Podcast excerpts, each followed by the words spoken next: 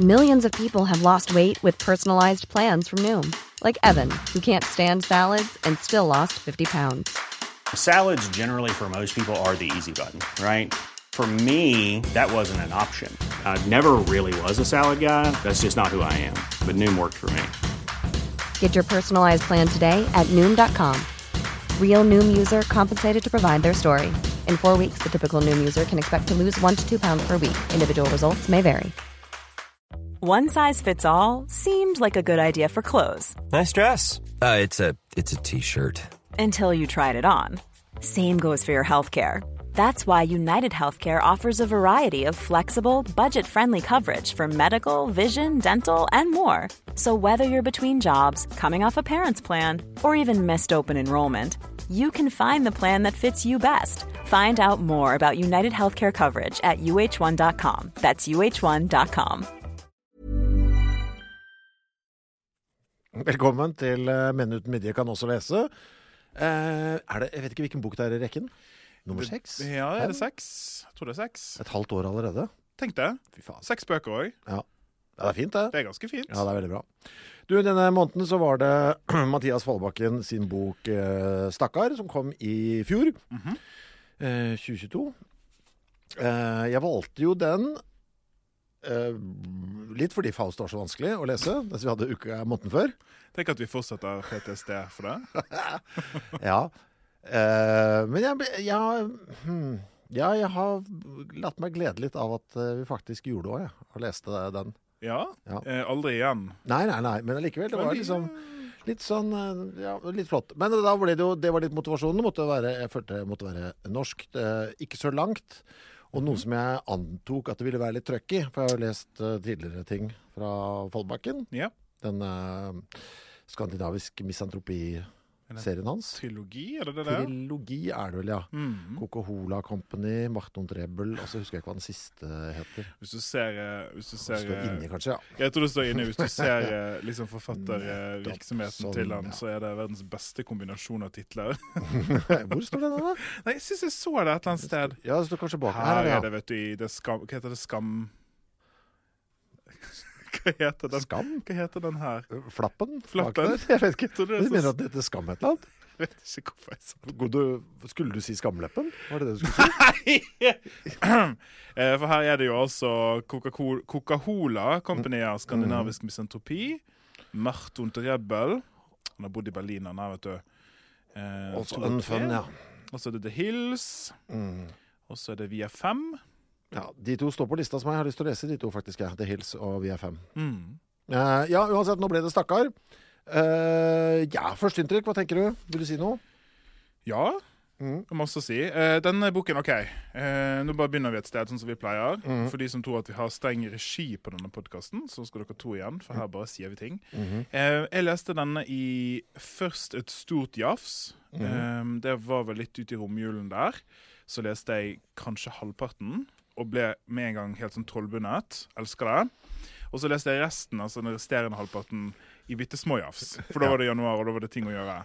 ja, Eh, men jeg, eh, og jeg var jo Jeg måtte Sånn tegn, det er hvis den stakkars kjæresten min må høre meg høytlese. For det skjedde en del her. Ja. Eh, så det er et godt tegn. OK. Du, da? Jo, jeg, eh, jeg koste meg liksom fra the get-go, merka jeg. Mm. For det er jo lagt opp litt sånn eh, Det er en litt sånn tydelig spenningskurve. For det, det starter jo med et uh, lite barn da, som kommer krypende ut fra skauen, opp fra grøftekant. Og som ser, uh, at, som det står, at denne ungen var ustelt og fæl, håret lå i pølser. Uh, Et skremt blikk stakk ut, øynene virret over to skorpete nesehull. Altså, så du skjønner liksom, her er det, det er noe rart. Og så har denne ungen en mappe under armen der. Så det var man liksom Ja, Og det er, ikke, det er ikke bare før vi går videre eh, Skulle vi lest den første delen her? det kan godt det. Bare for å liksom sitte tonen litt? Vil du ta det? sånn- Litt sånn krimmete vibb på det. Ja, ok. En gang for ikke lenge siden kom et barn stakkar krypende ut fra skogen. Ungen kløv opp fra grøftekanten og begynte å lunte på måfå bort etter grusveien. Det var et sørgelig skue. Denne ungen var ustelt og fæl, håret lå i pølser, pannen vred seg. Et skremt blikk stakk ut, øynene virret over to skorpete nesehull, leppene var stive og blå og halsen altfor tynn. Rundt overkroppen slang en lang klut eller fillete vest, og nedenfor stavret to spinkle ben med kneledd bredere enn både legg og lår. Ungen var uskodd. De overdimensjonerte føttene lignet våte raggsokker. Her må jeg innrømme at jeg begynte å lure på er det en hobbit.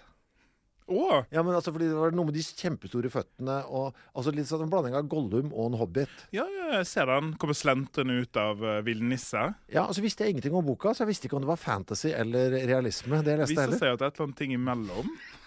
Ja, Det kommer vi vel til. an, ja, ikke sant?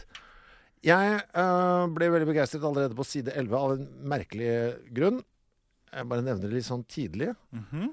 Fordi da kommer det fram om hovedpersonen, da, som da så denne ungen som kom krypende. Han er, heter Oskar, 19 år. Eh, midt i pannen hadde han kursleik. Ja, en nostalgi for deg? Ja, det uttrykket jeg ikke har hørt på lenge. Og så tenkte jeg OK hmm. Ikke sant? For man, av en eller annen grunn så er det alltid eh, Jeg lurer på når er det dette foregår? OK. Ja, ikke sant? Ja, For det føler jeg nesten er boka i ja det er det mysteriet, syns jeg. Ja, for da begynte jeg Først så var det sånn OK, det er bondemiljø, kanskje 18, 18 slutten av 1800-tallet. Og så bare Ordet kursleik, da er jeg- tenker jeg 50, Mhm. men også litt sånn 70. Og, så var, og, Mhm. og denne greia hadde jeg med meg gjennom hele boka. Samme. Ja. Eh, kanskje vi skal vente til vi kommer litt mer ut, men det er en av de store spørsmålene. Jeg har skrevet, jeg har skrevet en sånn eh, huskeliste her. Ja. Eh, og så syns jeg det var så flott Nå skal dere bare få høre huskelisten. Mm. Jeg syns det var så flott å bare gjøre det i enkeltord. ja. Fabel, familien, spriket, tiden, katten, Ja. Oscar, overgrep. ja. ja da. Jeg har en uh, før, uh, på side ti der, fordi Mm. jeg syns det var litt sånn fint å sitte scenen her før vi går videre. Altså, Vi er altså oppe i et eller annet bondeavhuk langt oppe i Gøttingadal um, og blir kjent med Oskar, som er på en måte gåsgutt som er adoptert, og familien rundt. Og en av de tingene som jeg ble veldig begeistret for her, det er jo de saftige portrettene. Mm. Det, er, det er et eller annet med måten karakterene skildres som er så Vet du hva ordet jeg leter? Det er på en måte så Ja, vet du hva det minner meg om? Ja. Eh, Første, det er bok to, din første, ditt første valg. Sangen om den røde rubin. Ja, det er litt sånn myklask. Ja, det samme. Altså, det dras på når det snakkes om hvordan folk ser Altså, ja. sånn Oi sann. Sånn hvordan- sett så er jo forfatteren litt i tråd med de der bølleromanene sine. da, Fordi han eh, unner seg å dra på, på hvordan folk ser ut, rett og slett. Det er på en måte karikatur, men ikke helt. hvis du Ja. skjønner. Men jeg har lyst til å ta den sek sekvensen som introduserer oss for familien her, på side ti nederst der. Den kvelden var Oskar stille under fellesmåltidet på bruket. Det var onsdag, og de spiste sodd. Under middagen snakket bruksherren Olav Blum, kalt Blum, mest, slik han pleide. Tett fulgt av de to tenåringsdøtrene Karin og Guro, som skar samtalen i laser med de skarpe stemmene sine. Slik var det. Mor på bruket, fru Blom, eller Aud som hun foretrakk, slo med jevne mellomrom ned på upassende språkbruk, fjas og urimeligheter. Herr Blom og døtrene produserte en del av dette. For noe sprøyt kunne hun si. Maken til tull. Og så Litt lenger nede her eh, så kommer vi til Agnes og Anna, som er to karakterer. Og helt på slutten, bare for å sitte tonen litt, for dette skal vi henge oss fast i. Han sa ikke stort og konsentrerte seg om å få sådd opp og inn i munnen, og ned i svelget. Skjea gikk. Rundt bena deres strøk den leverfargede katta, et utyske som alle på bruket hatet. Den katten, Ja, den går igjen, den. den går det, er, igjen. det var jo en lytter her som eh, s- har, har lest boka og virka som hun hadde kost seg med det, men lurte på om vi kunne snakke litt om den katta. For det var sånn Det fikk jeg ikke helt løst. Hva var det med den katta? Nei, da er vi to. Men vi kommer vel til det. Ja. OK.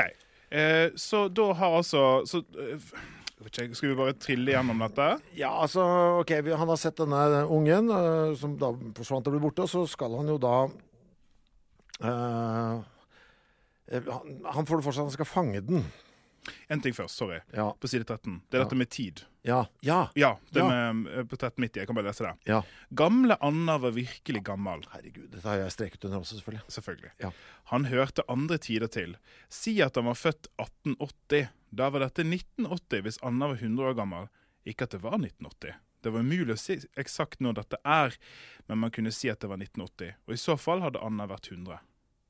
Skjønner du? Ja, og det, vet du, fordi allerede her så har jeg begynt å lure på når dette foregår. Ja, det har jeg Så dette, er, det- det- dette, er jo, dette har han gjort 100 bevisst. vet du. La, Ja, meg ja, bare, ja. la meg bare plante dette ytterligere for dere her. Nei, det er litt forvirrende, akkurat Og mis, dette. misvise, og Ja. samtidig Og her, det første notatet jeg har skrevet til meg sjøl her i margen, det er fabel? spørsmålstegn. Ja. Jeg får veldig følelsen av at jeg skal lese noe Men og litt med introduksjon med sånn rar vesen som kommer ut av skauen. Det er jo litt sånn fantastisk, på en måte. Men jeg får følelsen av at dette er en historie som, ikke, som på en måte skal sprenge litt grenser, da. I Ja. tid og rom. Ja. Men den kan vi komme tilbake til. Ja, og jeg, det er det, vet du. Fordi altså, når, altså her, Dette er jo slengt inn for å forvirre med vilje, har jeg følelsen av.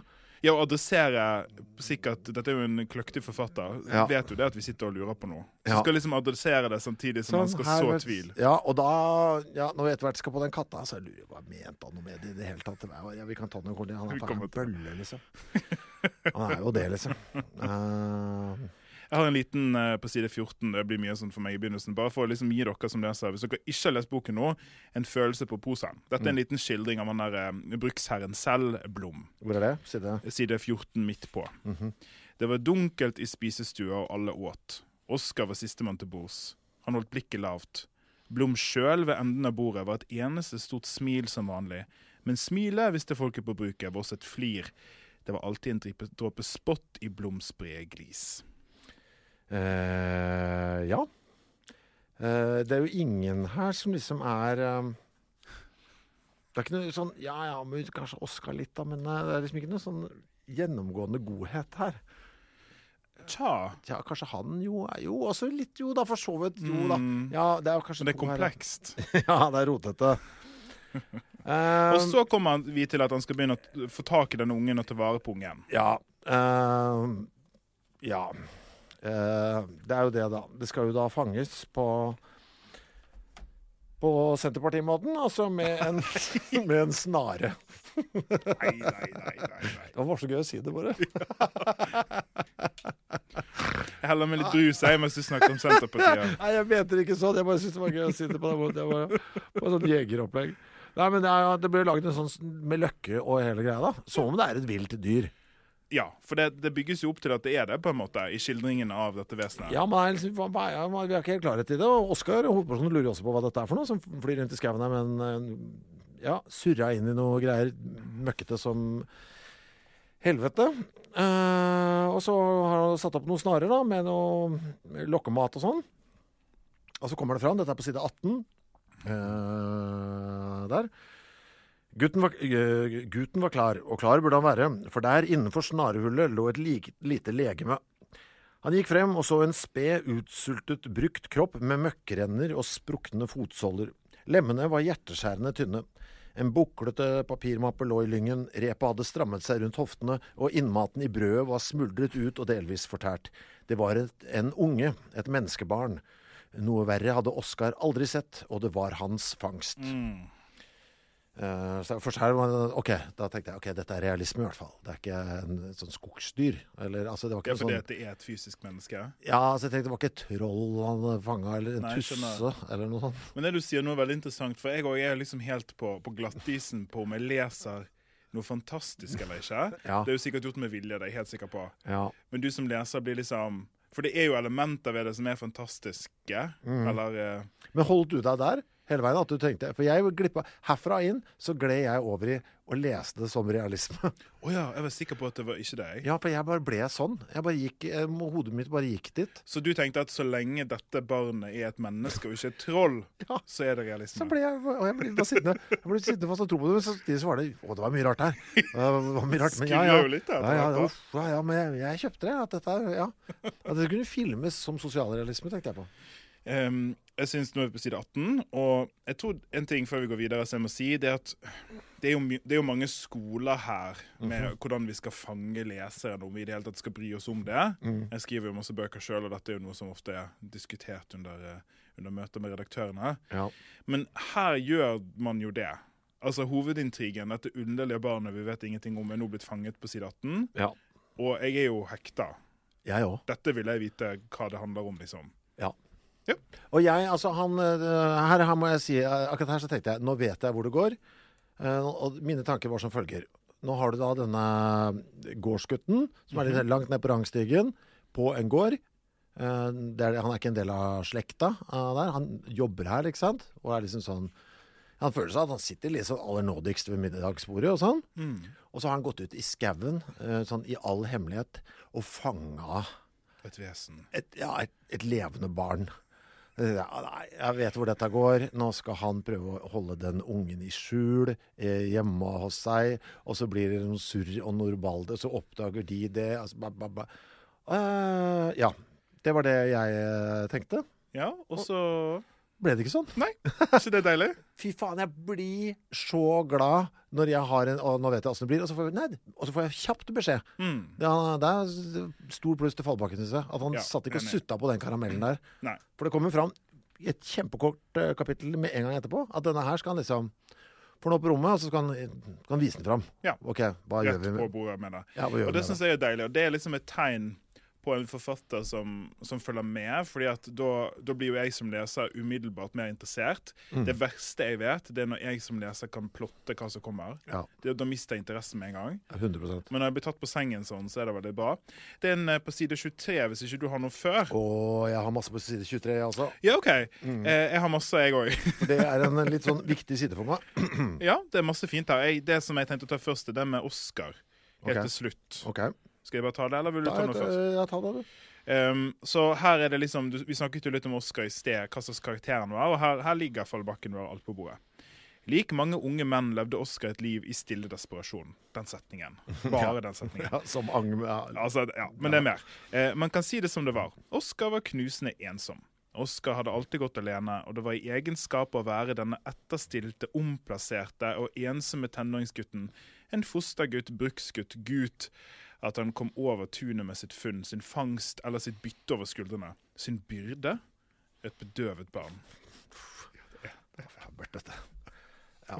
ja, og det er også litt sånn digg. Han er altså alltid siden man har rota seg bort i noe manusskriving opp gjennom her, og det er jo alltid det med å få, hvordan skal man fortelle, få fortalt altså, bak, altså, historien til disse karakterene uten at det er overtydelig. Mm. Og det bare glir så greit her at mm. Og det så, det så, for jeg tenker at Skulle jeg produsert et sånt avsnitt, Ja. så hadde jeg ikke klart det. Nei, Fordi det er noe med at det er så effektivt. Ja, veldig effektivt. Men jeg hang meg opp i Jeg satt jo her igjen, vet du. Nå sitter jeg ikke sant. Nå, nå har jeg kjøpt dette som sosialrealisme, jeg da.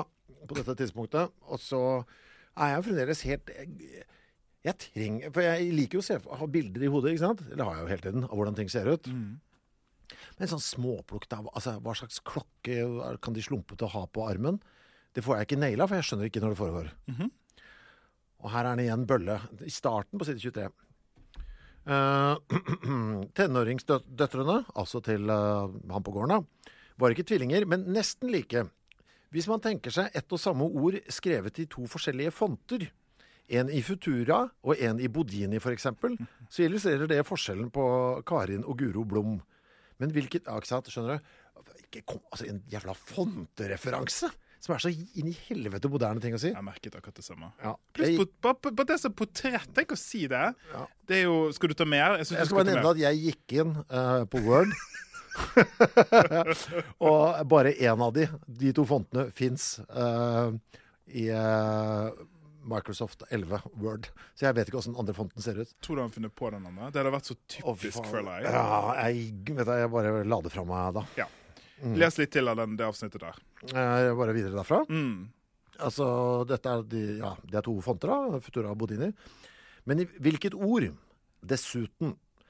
Disse to jentene representerte ordet 'dessuten' på en overbevisende måte. For tenåringsdøtrene var Oskar passe usynlig. Det fantes ikke kontakt å snakke om. Han var nok mer som et redskap å regne i deres øyne. En brukbar vogn, en god ljå som holdt gresset nede, en slipestein, altså ikke noe negativt, tvert imot, men heller ikke noe med et overskudd, metafysisk eller annet, som brøt med det rent praktiske.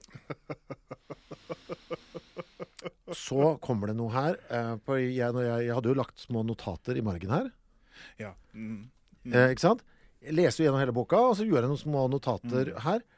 Nå kommer det en viktig setning. Ja, for den skjønte ikke at jeg var viktig da. Nei, ikke heller. Jeg skjønte ikke før jeg gikk tilbake i det. Altså der skjønte jeg, Å, du din jævla forbanna luring. Du har lagt inn noen sånne små, småmøk her, du, din pikka forfatter.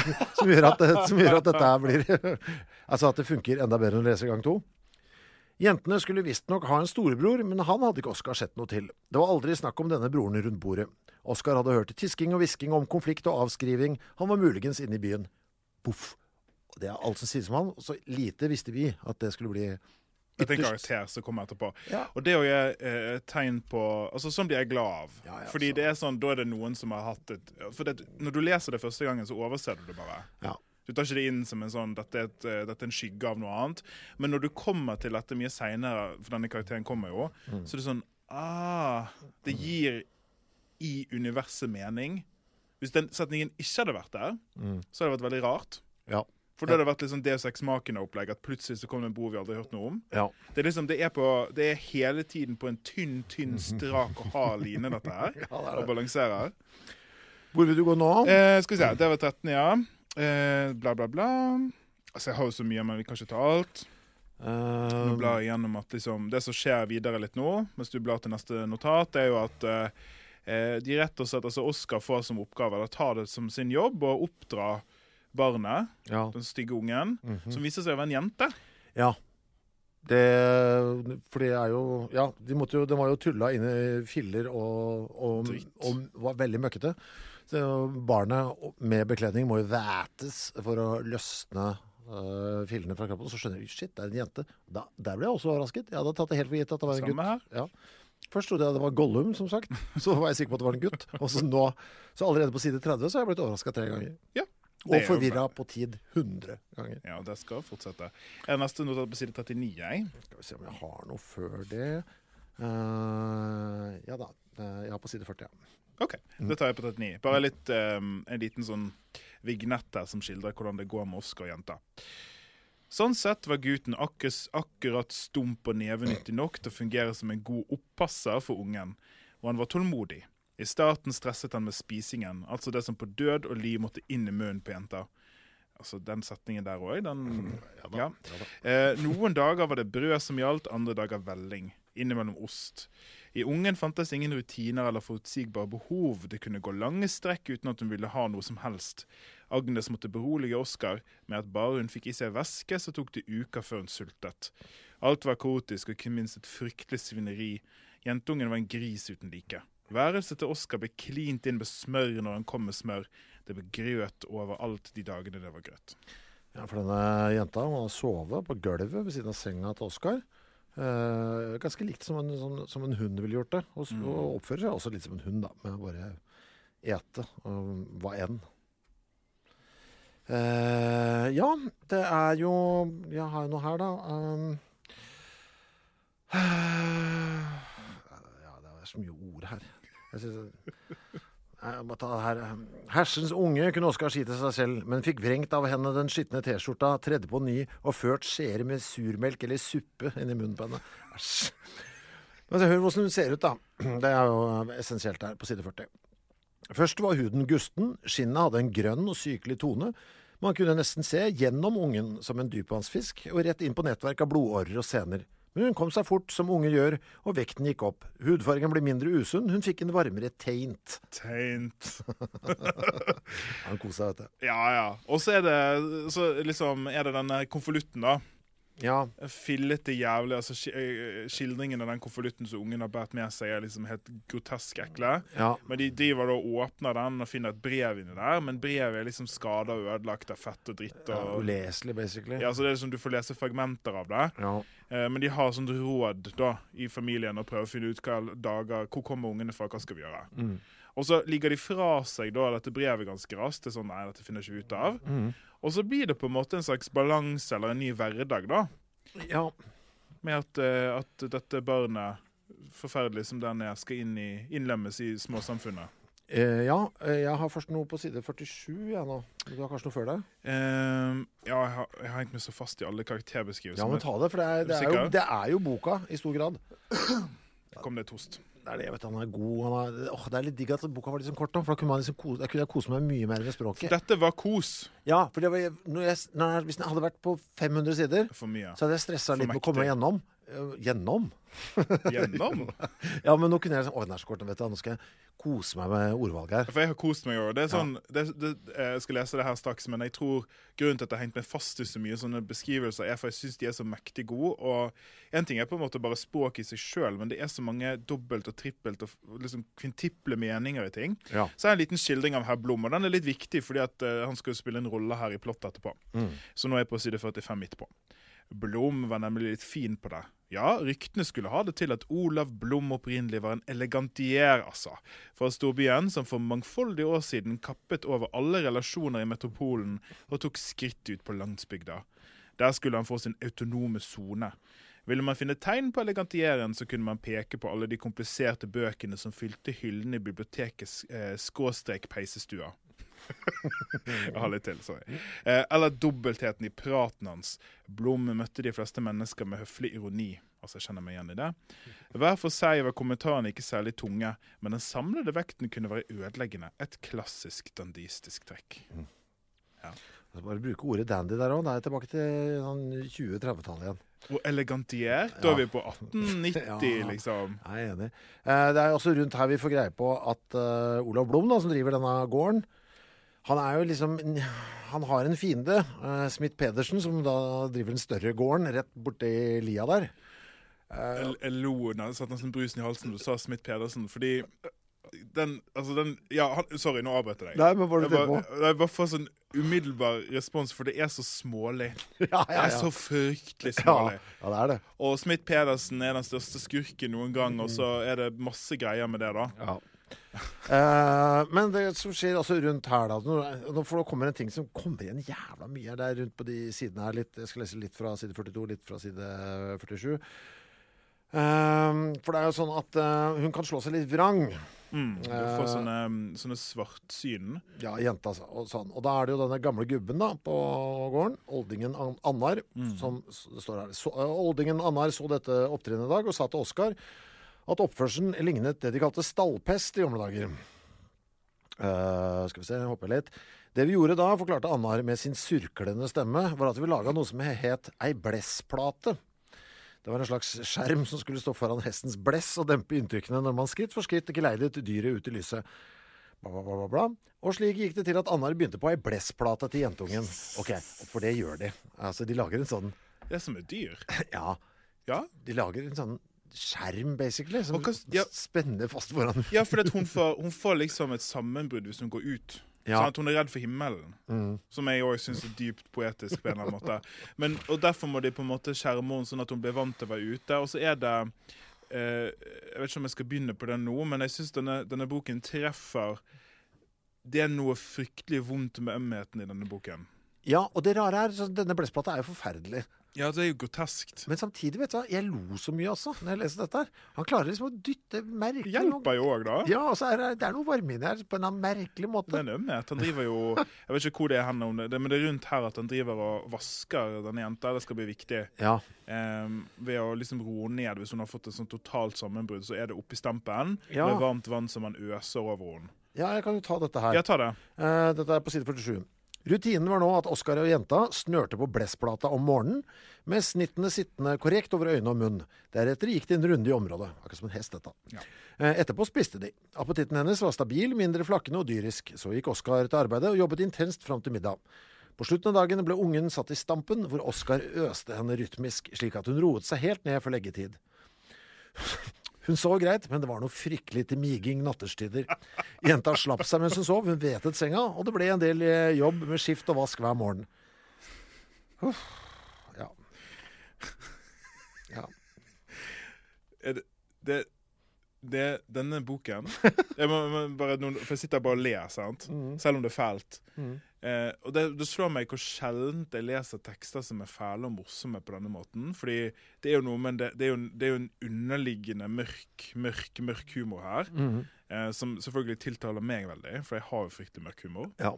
Eh, og derfor så blir ikke jeg trist. Men det er noe humorist, det er et eller annet ved det som får meg til å le. Det er rart, for dette her altså, jeg, uh, Ja, for her lo jeg, og jeg, altså, jeg Det er fælt, ikke sant? Ja, det er fælt. jeg kosa meg med det. Liksom bare godt meg med det. For eksempel nå nå leser jeg en annen bok uh, hjemme. Mm -hmm. uh, fra Hardanger. Også Oktober forlag, for øvrig. Ja. Eh, oskespiralen. Oh, Som er, som, og det er jævlige ting på landsbygda, ikke sant? Men den er fæl på den andre måten. Er sånn, vet du nå, jeg, I dag så orker ikke jeg det. Ja, Jeg- vond, sant? Ja, men jeg, vet du, Noe så fælt kan ikke jeg lese i dag. Så den, bruker, den kan jeg bruke kjempe... For det, kan, det, er klar, det, Det er så rart. det, det går ikke an å kose seg med det, det grusomme som er der. Jeg vet. Men her derimot Dette er kos. Dette er vondt og, og koselig. Kanskje fordi det er så fabelsk, da, som du sier. Ja, og fordi at språket er så Det er så det er, så, det er så skrudd opp at det er et eller annet med, det med dissonansen mellom det fæle som skildres, og måten det skildres på. hvis du skjønner at Ja. Når det er sagt i denne tonen med det saftige språket og de her nesten oppskrudde skildringene, så er det noe ved det som gjør at vi ser humoren i det. Og det er faktisk en ting som jeg syns den boken gjør unik. Det er veldig få bøker jeg kan tenke på som har denne balansen mellom vondt og morsomt. Mm, helt, ja. Impulsen er jo på en måte hele tiden å bare gå dypt inn i det mørke, men det er jo helt forferdelig å leve der. Ja. Det er jo det. ja, men det er det jeg holder på med den andre Ja, boka. jeg Det er skjønner sånn, Jeg har en liten eh, Jeg bare vil ikke slippe denne katten. Jeg er på side 48 rett etterpå der. oh, der skal jeg også. Ja. Ok, Uh, Så da er mm, Skal vi se, bare hoppe inn her et sted. Uh, skal vi se. Anna avløste. Han tok til og introduserte forskjellige praktiske ting for jenter de timene Oskar måtte ned på sletta. Ting han i sin tid hadde vist Oskar. Der er katta, sa Anna og pekte på den leverfargede katta. Katta har makk, sa han. Makk i ræva. Katta hadde tydeligvis fått bendelorm. Granulat, altså en medisin, måtte helles i munnen som pulver. Anna gjorde dette med sveisehanskene på, for katta klort og skrek noe jævlig. Hysj, katte, kauket han og ga utyske et hardt rapp med stokken der behandlingen var overstått. Jenta lo med en eh, klinkende, klinkende latter. ja, altså De siste setningene Nå skal, bare, nå skal vi ta dramaturgien i dette. Ok, jeg må bare, For jeg må bare Det er den rasjonelle delen av meg som må forklare deg hvorfor dette er morsomt. jeg vet jeg ikke trenger. Ja. Men først at katta har makk i ræva. Det er noe morsomt med det. ja da. Eh, makk i ræva. Katta har tydeligvis fått bendelorm. Altså konstaterer granulat, som jeg begynner å le av. En medisin som helles inn i pulver. Ja, for det syns jeg var gøy. At du må faktisk helle et pulver inn i munnen på katt. Som virker som et sånt håpløst prosjekt. Og så en katt. Og så at det er med sveisehanskene på. Det ler jeg av. Og katta klorte og skrek noe jævlig. Det er morsomt. Og så at han kauker, og så at de hele tiden kaller katten for utyske. Og de plager den hele tida. De hater den katta så veldig. Og så at jenta ler. Og at den på død og liv skal være leverfarga. Det kommer liksom presisert mange ganger. Jeg leste jo det på nytt nå, ikke sant? for jeg hadde også merka meg det greiene her. Ja. Og så mens jeg da var på notatene og skulle liksom kikke gjennom en gang til, så bare fortsatte jeg å lese av en eller annen grunn. Videre fra akkurat der du slutta. Jenta lo med en klikkende latter. Så kom vi til det her. Annar var full av visdom. Når hun hoppet ned fra høye stener, sa han skulle hun ha tungen godt inn i munnen, ikke mellom tennene. Man må halvskålde høna på 60 grader før, før ribbing. Svelg 20 pepperkorn med en gang du kjenner forkjølelsen komme. Gap hvis noen fyrer opp en dynamittgubbe. Skreppa må alltid være pakket med niste og tjuke i tilfelle du må fly. Man vet aldri. For dette, kommer, dette er et frampek. ja, det kommer. Bare en liten luresetning der. Din jævla bølle, Det er altså. bra håndverk. Jeg lurer på om han har gått tilbake og lagt inn de der frampeka, som er helt umulig å ta som frampek, for det er så masse informasjon her. Ja, eller om han har gjort det i en go. Jeg vet jo ikke hvordan han jobber med bøkene sine, men uh, Ja, dette er sånne ting som sikkert kommer etterpå. Luring. Luring. Skal vi se. Eh, OK, så Ja 50-51. Det som nå skjer Nå, nå, har liksom, nå har vi nådd en slags uh, likevekt, Ja. men nå må liksom plottet videre igjen. Så Ja. nå plutselig begynner ungen å vokse enormt mye På kort tid. på kort tid. Og da er vi over i fantasyland igjen, ikke sant? For da begynte jeg å lure på, kan det være en sånn en ent? Sånn som det er i Ringenes herre'. men det er jo Ringenes herre. Jeg vet ikke. Eh, det er ikke, men boken gir altså de, de inviterer en lege, da. Hva er dette, da? Skal vi se. Hva heter den legen igjen? Det er ikke så viktig. Doktor Kleppe. eh, som kommer på besøk for å besøke dette underlige som skjer. Og han stiller jo en diagnose som er altså, i realismeland. Ja. Eh, hva er det han kaller det? Psychosocial short stature.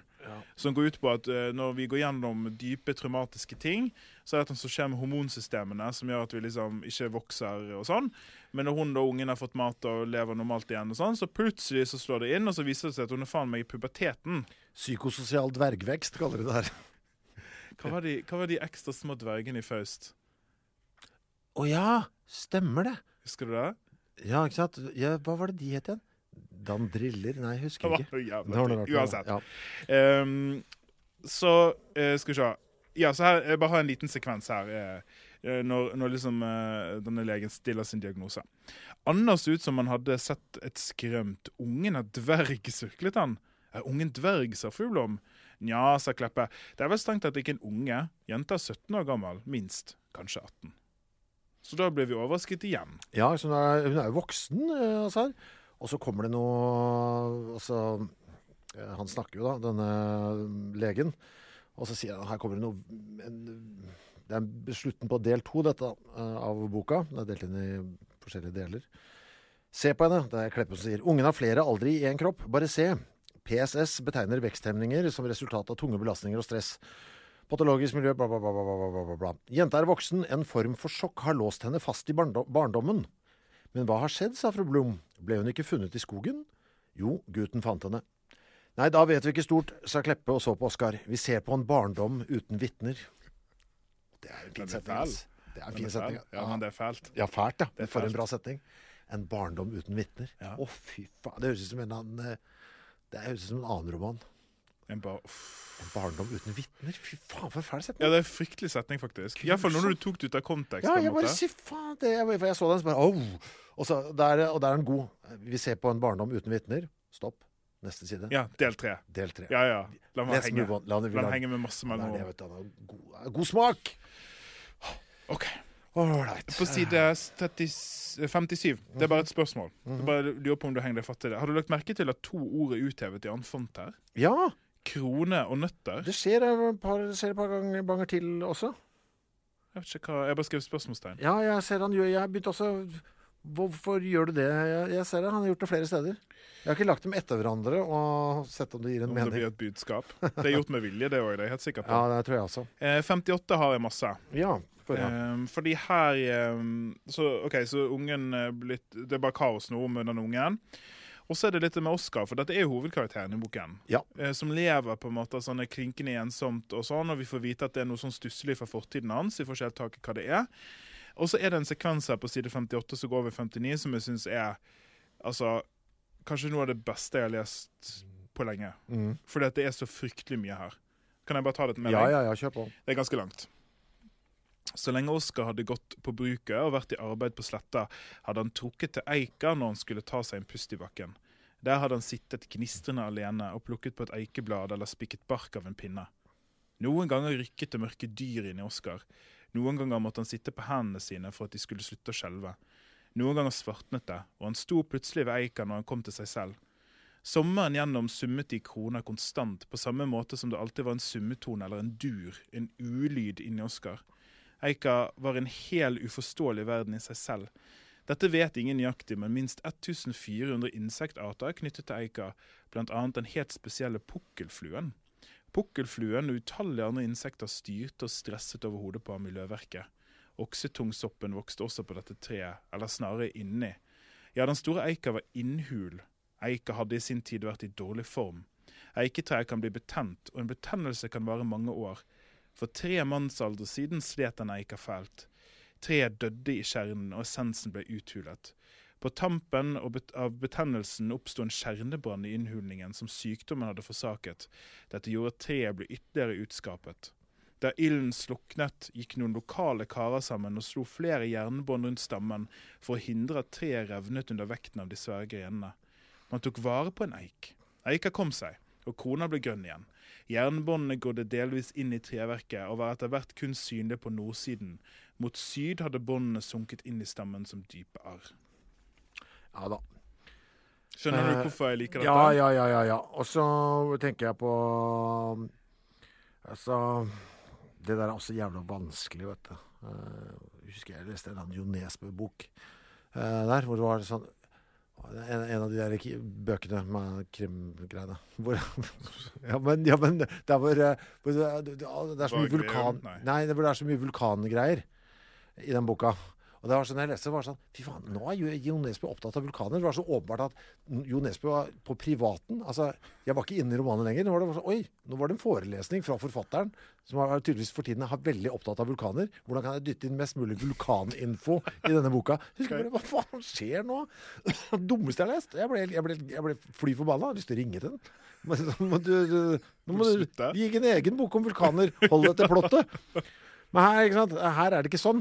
Her er det, dette er ikke Ja, Det er også så jævla fint når jeg føler at jeg får det lurt inn her på en ordentlig måte. Men hva, kan, du, kan du ha litt sånn metadiskusjon? Hva er det ved dette du Hvorfor ikke det vulkaner? Nei, fordi for det første så glir dette helt eh, som en naturlig del av storyen. Det er ikke sånn altså Det henger, henger på greip. Og selvfølgelig så er det ikke 69 sider på rad om vulkaner. Eh, I dette tilfellet eik, som hjelper.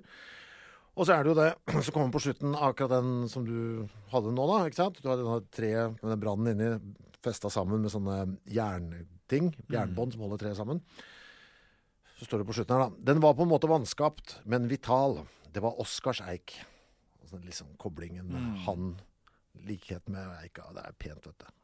Ja, fordi eiken er et symbol. Ja, det er flott. Nå trenger jeg kanskje ikke å overforklare Nei, det. det var, det, Dere kan, dere kan tenke ja, sjøl men han òg. har gjort uten å mate det inn, liksom.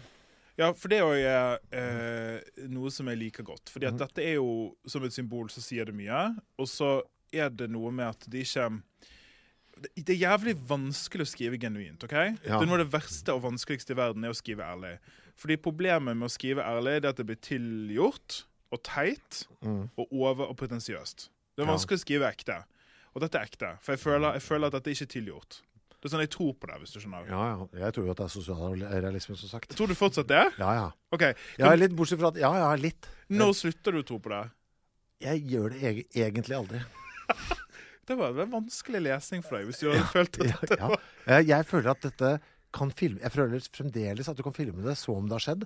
Og så vil det bli eh, Ja, bortsett fra at jeg sliter med å skjønne hva er tidskoloritten eh, vi skal filme det i. Når- det når er er det skurrer. Er det 1980? Er det 1880? Er det 2018? Men du føler at, Det er ikke under pandemien, det vet jeg. Men utover det så vet jeg ingenting. du føler at, uh, at en, et barn som kommer ut av skauen, og som vokser kjempefort Ja, men oppi Dalom, vet du. Faen, jeg stoler, jeg stoler ikke på Bygd-Norge. Der kan alt foregå. OK. Ja, Side 64 er min neste. Eh, Det er din neste, ja. Da blar jeg frem der. Uh, ja. Det er en beskrivelse av denne jenta. ja, den har jeg òg. Ja, herregud. Jenta klukket. Vel, klukket og klukket. Latteren var forknytt og litt åndssvak. Anførselstegn der. Åndssvak anførselstegn. Ja da. Det var en tuting som kom fra hennes unge hals, slik Yes tuter, men det var altså latter. Åh, altså håper jeg litt. Elementene i ansiktet hadde begynt å plassere seg, selv om kraniet fortsatt hadde noen rare vinkler. Hva var galt? Føtalt alkoholsyndrom kunne ikke være, i og med den forstørrede størrelsen på hodet. Alkoholikerbarn får lite hode, ikke stort. Men noen av de øvrige trekkene minnet litt. Korte øyespalter, en anelse oppstopper, lav nesebro, glatt overleppe, ja, smal overleppe. Uh, jenta begynte å se ut som alderen sin. Alderen doktor Kleppe hadde anslått i alle fall. Det var uten tvil en ung dame som sto og hang på innhegningen. Eh, men det var vanskelig for Oskar å ikke tenke på henne som ungen. Ja, det var egentlig det. Det var bare det var så jævla harde beskrivelser av åssen hun så ut, syns jeg. For det er mye av det gjennom at øh, hun blir jo Altså, vi skal jo følge de begge gjennom her, men Ja. det er hele tiden en sånn herre Det er så vanskelig å beskrive til og med hvordan det føles, men det er hele tiden en sånn Det var en skjønnhet der, men det så ikke ut. ja. Skjønner du? At det skal hele tiden inn på at det er noe unikt, noe vakkert, men òg jævlig. Ja. Og stygt og vanskapt. ja. Dette er en bok som har fetisj for vanskapelse. altså, alle er vanskapte i denne boken på en eller annen måte. Men det, der minner han igjen, da. Syns jeg det minner om Ja, om litt Rubin. Altså. Ja, det er litt myklesk. Ja, for han var jo også der. Det var jo Grisebusten, eller hva han het for noe, denne fyren der. Og, Og hun der marsipankroppen. Villsvinsen og marsipankroppen til hun der damen og ja. Det var en god bok, det, da. ja, det var det. det, var, Eh, ja. Men nå har jo det skjedd lite i plottet. Altså, ikke, nå er vi klar for neste plott-twist, tror jeg. Eh, ja. Vi se om det kommer helt du Nei, jeg har ting før, jeg. Sorry. Ja. Uh, jeg har noe på side 67. Eh, litt med mm, Igjen, det er bare skildringer for meg her i dag. Men eh, jeg har skrevet 'levende og snerpet, snerpete'. Jeg syns det var så fint. Nå skal jeg lese for deg. Bruk, nå, nå jeg liksom et, et rom her, da.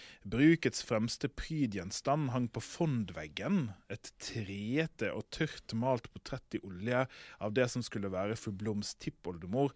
En dame med krumt nesegrev, ikke ulikt fru Blom selv, og den samme ustoppelige kalkunifiseringen av halvskinnet. Ja. Uh, OK. Eh, Jeg skal ta noen fra side 70, hvis vi er i dette landskapet. Hvor, ja, for dette er nok en beskrivelse av uh, hvordan jenta ser ut, da. Hvordan var det hun så ut i stakk med oppsatt hår, farget som grus og hud hvit som kritt eller kalk? Eh, Nei, slike begreper eide hun ikke selv, men hvis man skulle hjelpe henne, hva ville man sagt? Hår som koks, hud som talkum, skuldre som kleshengere og bringe like et spann, fortsatt litt stutt, men snart i form. Skjærende øyne, et mørkt oppsyn, to digre knappenålshoder, vill i blikket som en kartsanker, som det het, rette bryn, harde bryn, snabelaktige armer, slappe håndledd, fremoverlent, eh, veivete hender. En typisk norsk halvvoksen, men også et fugleskremsel. I og for seg tiltalende, men altfor kantete. Nå har han kost seg, vet du. Det er jo dette som gjør det gøy å lese. Dette er for øvrig eh, første gang hun ser seg i et speil, hvor hun sitter helt fast. Ja, det blir krise. Hun eh, ser seg sjøl i et speil, og Ja. så får ikke de hun vekk fra speilet. Nei, De må lure hun opp eh, med speilet, faktisk. Hun får lette ja, speilet. det. Og så er det jo noe festgreier her, da. Skal vi bare ta det? Ja, det er noe fest, stemmer det. Så da har Bloms eh, invitert til fest. Mm. Eh, blant annet en eller annen type, eller et ektepar som er kjent med Smith Pedersen. Ja. Altså hovedbonden nede på bruket. ja. Er det noen som jobber for den, kanskje? Eller Jeg tror det er noe Ja. sånt, ja. Ja. Eh, og så eh, ligger da eh, han her Oskar utenfor rommet til, eh, til jenta Mm. for å passe på. Som også, det er en ømhet der òg. Mm. Men så vil de andre ha mer alko, da. De går tom. Så Ja. da må han ned på hovedbruk og hente midt på natten. Og når han kommer opp igjen, så er det full ståhei. Ja. For da har jenta våkna og sett etter Oskar, og så vridd seg Altså hun har, hun har, det er bare klikket for henne. ja, fordi han ikke er der. Ja. Uh, ja. Eh, og så eh, blir det furore her, eh, og, eh, og liksom det som da blir bekymringen, er at nå kommer Smith Pedersen til å få høre om denne jenten. Og så er det noe som skjer før det, på side 79. Ja. Her er mitt notat, eh, Chris. Herregud. ja. Kan jeg Vil du? Skal jeg? Jeg tar det. Det er forferdelig. Det er altså Ja. ja. Det var sånn Nei, uff. Ja. Og dette er en ting, før jeg leser hva det er. Ja. Jeg hadde ikke forutsett at det kom. Nei, altså, jeg burde ha forutsett det. Jeg skjønner ikke, jeg skjønner ikke hvorfor jeg ikke forutså det. Det er sikkert fordi at han tenker på henne som en, en unge. Ja, Dere skjønner jo Dere dere skjønner. lest det. Ja. Ja. dere, jeg tar det for gitt at dere har lest det. Ja, uh, ja jeg må bare lese alt, jeg. Ja, Dette er, det er hardt. Og, det var vel noe med at hun så at han så, og uten at man eh, kan si eh, at noe var Oscars feil eller skyld, for det var det ikke, så grep hun ham, og det var en annen type grep. Håndgrepet satte et spyd gjennom kroppen til Oskar fra topp til tå, og dermed dessverre sto kølla hans ut som en blindskjepp. Ja, det er skvatt sånn her. Skal du si kølla? Skal du si det? Det blir jo verre. Ja. Eh, det kunne han ikke gjøre noe med. Nei. Så gikk alt automatisk, og Oskar var hjelpeløs. Denne motoren var det ingen av dem som styrte. Nei, her var noe annet i gang. Og dette noe var det ingen overdrivelse å påstå at verken Oskar eller jenta hadde erfaring med. Oskar ble stående i sjokk og se at jenta, eller damen som hun jo var, krøkte seg og la munnen bortetter kukkskaftet hans, for langs kan man si, og holdt som en hund holder et ben. Ja, som en hund holder et ben. Ja, det syns jeg var gøy. Eh, jeg har litt mer, jeg. Ja da. Kjør på. Ehm, det er den med politiet. Skal vi se. Ja, det er flott her. Reisningen var reist. Benderen spurte ikke hvordan han skulle opptre i en slik situasjon, i en sånn farse. Og der lå gutten plutselig på rygg. Alarmhornene tutet i hodet på ham. Det pep som en politifløyte, og kukken var en batong. Jenta eller damen gutten hadde funnet i skogen, huket seg og tredde hele livet sitt over ham. Nå åt hun gutten. Åt ham med kroppen. Teknisk sett penetrerte han henne, men det var merkelig nok hun som trengte seg inn. Og så, hvem samtykket til dette? Ja. Jeg, altså, nå er det i gang, ikke sant? Nå er det jo et knullande herfra til månen på de to. Altså hvor enn det kan Ja. Ja, jeg har aldri lest uh, de knullende. Det er flere ganger det skjer. Ja. Eh, aldri vært så eh, på knivseggen mellom om dette er greit eller ikke. Nei, for det er liksom altså er det et eller annet med det Ja, men klart, altså begge er jo voksne. Det er der, Men er hun egentlig voksen mentalt? Det er jo der vi er lurer, ikke sant? ligger. Men så hun også Gudskjelov gudskjelov at hun tar initiativet til dette. Det gjør det jo litt lettere å fordøye. Uh, Ja, at det er jent, eller damen som ja, fall pådriver. at, det er den som virker helt Men allikevel Ja, han er jo forvirret selv også. Han er kjempeforvirret. Dere hørte jo det for det avsnittet. Det er et eller annet som stritter sterkt imot, Mm. og så er det noe kroppslig som, trenger, som treffer inn. Mm. Og så hver gang det skjer, på ulike måter, så vil han det ikke. Mm. Altså inni seg. Ja, Men så gjør han jeg det. klarer ikke å la være. Veldig vanskelig. Tenåring her, han bare må. Ja, klarer ikke å la være. Det er jo noe på side 85 som jeg For du har ikke lest noe annet, av den, ikke sant? Av Fallbakken, du? Nei. Nei. eh, For da setter jeg bare Å ja, du klarer ikke Dette er eh, Du klarte ikke å la være å bruke dette uttrykket nå heller, nei. Ok. Uh, fordi da det, er, det er puling igjen her, da. Altså da signaliserer han på en måte at det er to stier uh, i livet. Uh, en på den ene veien og en på den andre veien. Den ene stien var doringa til Oskar og jenta. For doringa fortsatte i stillhet. De klarte ikke å dy seg. Altså, det er at han velger å bruke ordet doringa. doringa. Som et dor, som er sånn bor. Ja, ja. Et dor. Altså, for det der, det har han gjort i flere bøker. Det, okay. husker, det husker jeg da jeg så det, så tenkte jeg fy faen, ja, du er Du klarte Han har sine vulkaner, han òg. Ja, og det, det er lite. Men ja, for det husker jeg så godt fra Coca-Cola eller Mahton Drøbel. Og en som brøler 'Dor meg i rassen' med virtual lingo. Som er, som Det var meg, det. en som skal bli dora i ræva med et interiørblad, som jeg syns er så jævla Dor meg i rassen med virtual lingo. Som har blitt et sånt uttrykk i Det var fint. Ja, det er Jeg. Jeg har, eh, på den siden har jeg to ting til deg. Ja. Mhm. Det første er, det er et frittstående sitat. Okay. Og det, det er så bra at det liksom kan stå helt alene. Jaha. Sekundene testiklene var tomme, var det tilbake til bekymringene. Og så har jeg en eh, på side 84 over 85. Jeg må bare lese det. Mhm. For et strålende nærvær hun var. Oskar jobbet lengre dager mens Agnes underviste jenta. Men disse seansene var nå nesten som daglig venninnetreff å regne, ikke en doseringssituasjon. De hadde høytlesning og lagde krumkaker sammen. De farget ull. Anna på sin kant knipset flere kloke råd jentas vei, og hun tok imot med iver. Hold aldri suppeskjeen i venstre hånd. Ikke spør om et navn før det tilbys. Spytt hvis du ser en jerm før palmesøndag. Herr Blom kom med sine kommentarer som hun eh, parerte med vidd og absolutt absurd humor. Ja, var det humor? Han forsto seg ikke på det. Kunne, men kunne samtidig ikke få nok. For en rekyl, hvilken friskhet. Men obs, i skjul snappet hun etter Oscars kukk og tok den. Det er så plumpt. Ja. Eh, Nå er du inne på noe, da. Hun har jo begynt å prate litt. Det har vi ikke sagt så mye om. Nei, begynt, utviklingen har gått forbi bare. Eh, Ja, så hun snakker jo litt om Hun snakker jo rart, da. Uh, ja. Det er litt sånn vanskelig og Rare ordvalg. Hun snakker ikke mye, altså. Men Ikke, det er vel ikke sammenhengende. Og så er det noen ord som brutalitu, sier hun. ja. Eh, og sier sånn 'huff a meg' og sånn. ja. Og så lærer hun seg på en måte noen ord, men alt er liksom hennes versjon av det. Mm. Så de blir jo sånn De klarer liksom å plukke opp hva hun mener, men det er ikke noe sammenhengende ved det. ja. Og så er det jo nå at uh, det blir litt sånn panikk, er ikke det rundt nå? Hvor han eh, som vi snakket om, som var på dette middagsselskapet fra Smith-Pedersen, nabogården.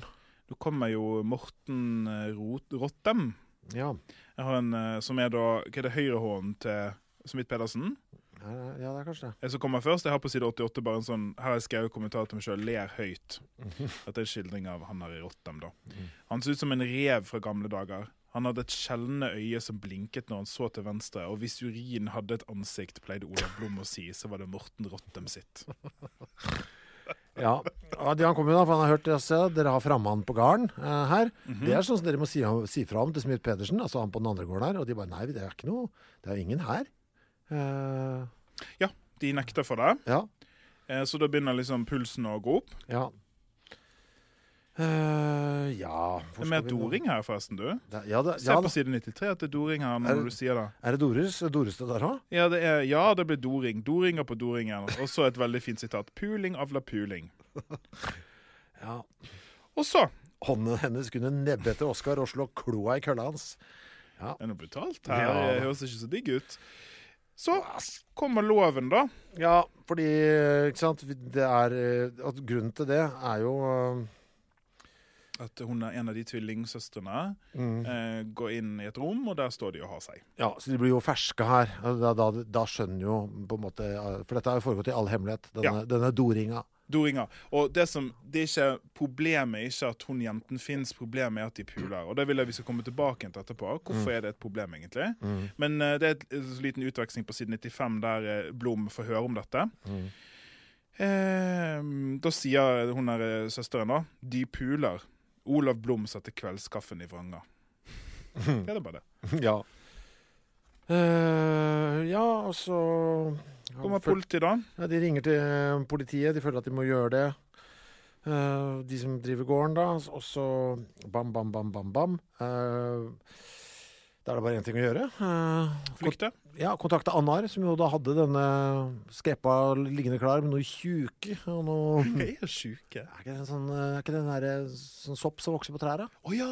Den der, Ja, ja, ja. Jeg tror det. Så bare hang meg ikke fast, men ja. Ja, og da Da Så stikker stikker de, rett og slett. Så stikk. Ut. Ja.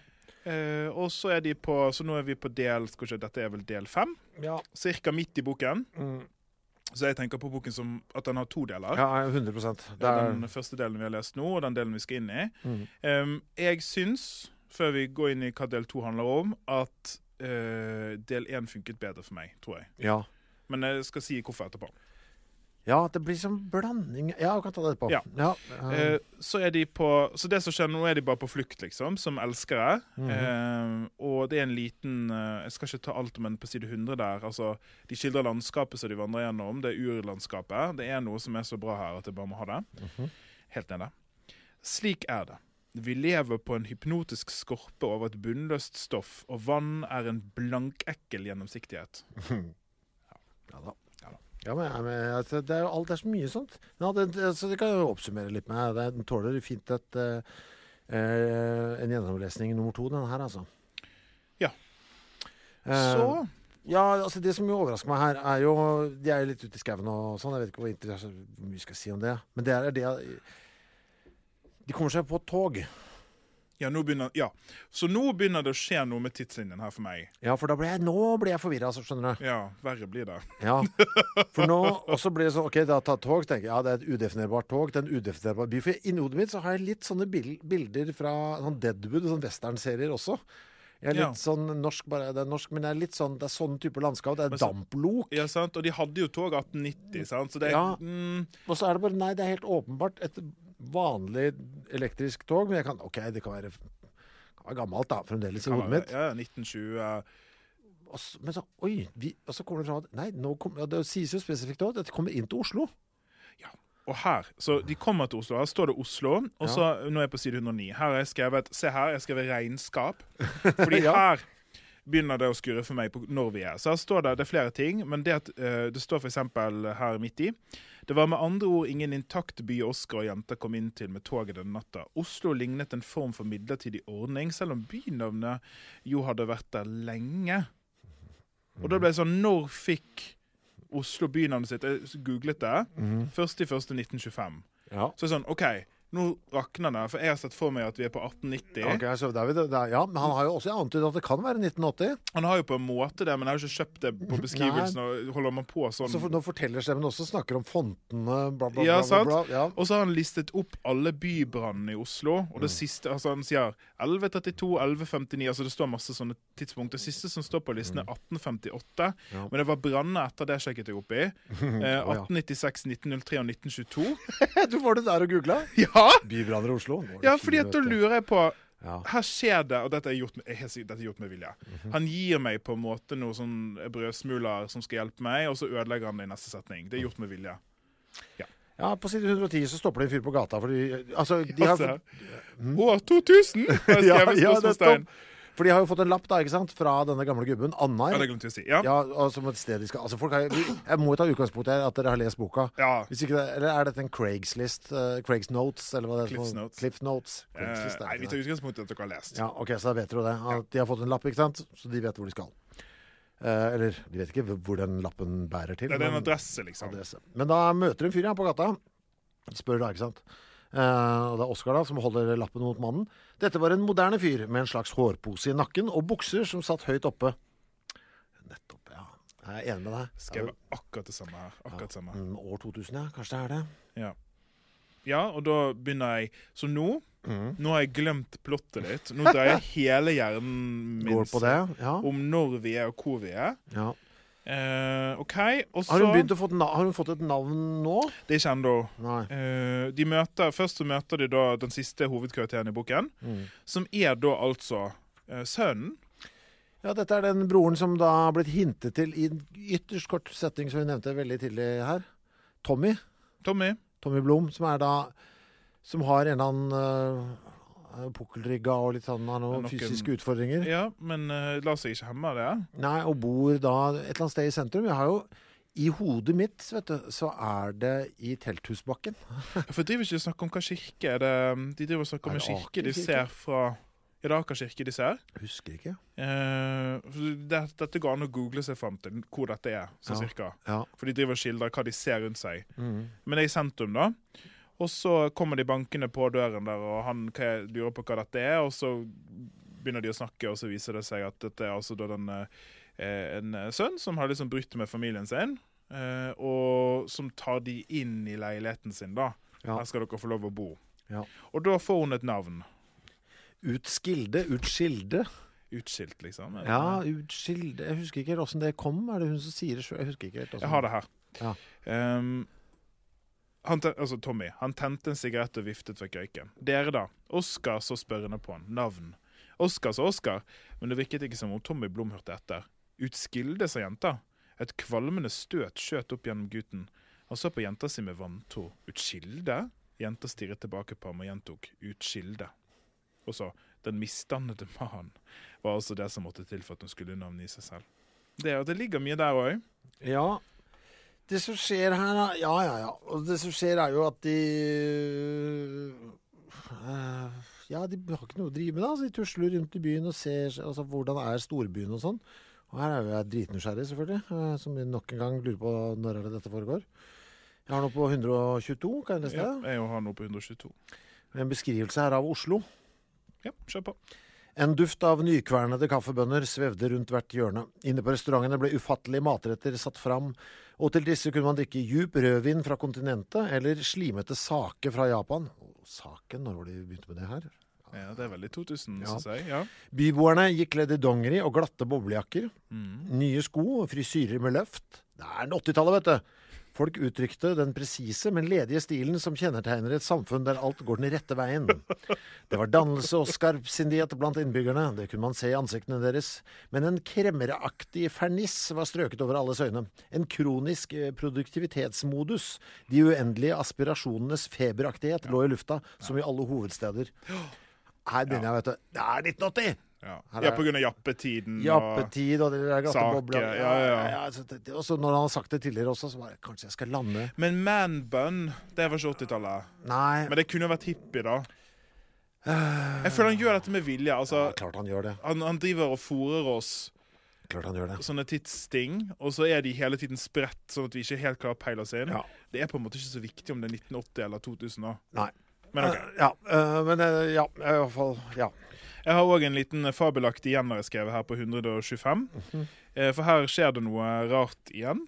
Mhm. Uh, skal vi se uh, Er det her det skjer? ja, det skjer noe der. På, helt på slutten av sida. Ja, det er den jeg tenker på. Mm. Eh, vet, men jeg, vet, jeg bare tar den eh, her. Sent en kveld kløyv de opp alle trappene til leiligheten og låste seg inn med ekstranøkkelen som Tommy Blom hadde slipt. I entreen stoppet jenta med et sjokk.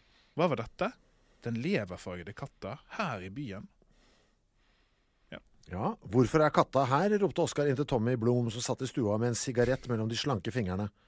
Katta har alltid vært her. Mm. Eh, den lille mannen reiste seg kom haltende mot dem. Men det er katta vår, sa Oskar. Katta er alltid her. Men Ja, det er den altså- samme katta. Mm. Sju utyske hveste Tommy Blom og sparket etter katta med det stive benet. Så det er jo forhatt der også, den katta, selvfølgelig. Hva er den jævla Ja, katten? er- Skal vi ta det? Ja, eh, ja ta, det- ta du først. Jeg har min helt egen teori. Å ja, så jeg skal ta min. OK. Mm. Eh, katt ja, hva, ja, for jeg vet ikke helt, men jeg bare begynner å snakke, Mm. Ja. så ser vi. Altså, katter er jo et symbol da, Mhm. på noe. Og det er den eneste tingen, bortsett fra hovedkarakteren, som Allergi. forener Et symbol, symbol på allergi. På allergi? Nei, Nei, nei, nei. men det er jo et forhatt beist, da. Ja. Alle hater den jævla katten. Mm. Sant? Ja. Det er noe Det er på en måte en av de store tingene denne romanen handler om, syns jeg. Det å være utskilt. Mm. Ja, Utskilde. 100% Sant? Og da er det, ok, Så alle hater den katten. Det som forener disse to verdenene, er at katten alltid har vært der. Det er noe permanent ved den følelsen. Og den katten er forhatt i alle tidslinjer og alle steder. Eh, og jeg føler jo at det handler om Altså på en eller annen måte det som er historien her, om at eh, menneskesamfunnet har freaks. Folk som er skilt ut, og som på en måte skal sparkes i å være forhatte og utyske og sånn. Litt sånn som jenter er. Eh, og litt sånn som Oscar er, egentlig. Mhm. Eh, og så vet jeg liksom ikke helt hva det lander på. Ja. Men ja, det Ja, ja, ja, ja. Men Men, jeg, jeg syns jo det var gøy tanke, da. At uh, alle her er jo litt sånn uh, alle er jo under noen her. Selv Blom er jo under Smith Pedersen oppe Ja, der. Og han er sikkert under noe, han òg. Og Tommy òg. Han er jo Ja, iallfall fysisk under noen. ja, ikke sant? Og de, ja, sa bla, bla. Og så den, eh, den eneste som alle har under seg, er den derre eh, katta. Og den, er, den er lik overalt. Det Ja, er, den er lever, ja, det er leverfarge- Ja, det er noe der, selvfølgelig. Men jeg har landa ned på altså På et eller annet tidspunkt, eh, for det har jeg glemt å si, jeg glemt å si til deg òg. På et eller annet tidspunkt så jobbet jeg jo for Mathias Holbakken. Ja, jeg hadde, jeg hadde, ikke, jeg hadde, ikke, jeg hadde, ikke, jeg hadde ikke jobb. Eh, og jeg var imellom Det var sånn, litt sånn periode for jeg ikke fikk dagpenger heller. OK. eh, der. Eh, så ok, nå er jeg ganske fucked på penger. Ja, Så bare sendte mail til alle jeg kjenner. Jeg kan gjøre hva som helst, liksom. ok. Jeg kjente ikke han spesielt godt, det skal sies. Men eh, han hadde levert noe til et radioprogram vi hadde. Jaha. Han svarte. Ja, du, ja, han skulle ha en utstilling på et eller annet sted. Ja, For han er kunstner, sant? Ja. ja. Så jeg kunne hjelpe til med å sette opp, for de trengte noen til å montere denne utstillinga. Okay. Så det var tre uker med montering fra åtte til ni. Ok. Eller åtte til fem, mener jeg. Så da, så da møtte jeg han jo litt der, i forbindelse med det. Så hadde jeg jo da sagt han hadde levert noe til radioprogrammet. Og han er jo en skurk, ikke sant. Altså Han er jo en bølle. Altså Han liker jo forvirring. Er jo Og du Og det føler syns- dette Ja. Ja, dette syns jeg også. Og det går jo litt inn, vet du hva. Det er gøy å bare slenge noe der som er litt sånn La oss ikke si alt her, da, for det, forvirring er også så, så kan folk bare han, Så han er jo Liker jo forvirring som et grep. Jeg skjønner. Så du, du tenker at Det, er ikke, den er, go- det, det kan være en liten decoy også, Ja. for å holde oss på tå hev. Jeg vet ikke. Jeg vet ikke. Jeg vil Nei, jo, ikke, jeg vil jo egentlig ikke vite heller, det er ikke det. Men eh, han er så jævla bøllete. Mm. Så, jeg, sånn, så når jeg leser dette, så OK, hva er det du ja, hva, hvor, hvor mye er bare rein bøll, og hvor mye er så, så kommer det masse smartness gjennom der. da. Ja, jeg vet. Ja, så, det er vanskelig. Ja, så det er jo Jeg tror jeg, jeg, tror jeg ville følt meg ordentlig dum i et rom sammen. Eh, Det ville jeg nok gjort. Ja. Men den, eh, den der eh, Altså, jeg har aldri møtt Mathias. Ja. Eh, men den der greia med at han er en bølle og liker å leke, det får Altså, du, det skjønner er jo i romanen. Ja. Han driver jo bare, bare måten han leker med tidslinjen på, gir oss smuler som skal forvirre. Altså, det er jo Ja. Men det er jo det jeg liker. Jeg liker at, det ble, at hjernen min må jobbe, at jeg ikke får alt servert, at jeg må tenke sjøl. ja, og ut, jeg må gjerne må jobbe uten at det er kjedelig. Det er ikke kjedelig. Nei, det er deilig. Så vi vet ikke helt hva katten er, folkens. Jeg har ikke stort før um, Altså, det er Vent, da. Hva skal vi si um, Du må kanskje si hva som skjer med jentene. det, det er de to Altså, Tommy og Det som skjer nå, er jo at hun som har vært den store outcasten Det er jo det viktige her. Altså, Tommy Blom uh, inviterer disse med seg rundt på byen. Ja, I sånne fiffige fiffig, fiffig selskaper. Ja, for han er en populær mann. Ja. Han har ordets makt uh, der. Ikke kroppens, men ordets. Og spiller på en måte storbylivet med sosietetsfester og Ja. flotte selskaper og sånn. Og da med seg de to, og da blir jo Skilde hit. Hun blir en hit i, i, i Storby-Oslo.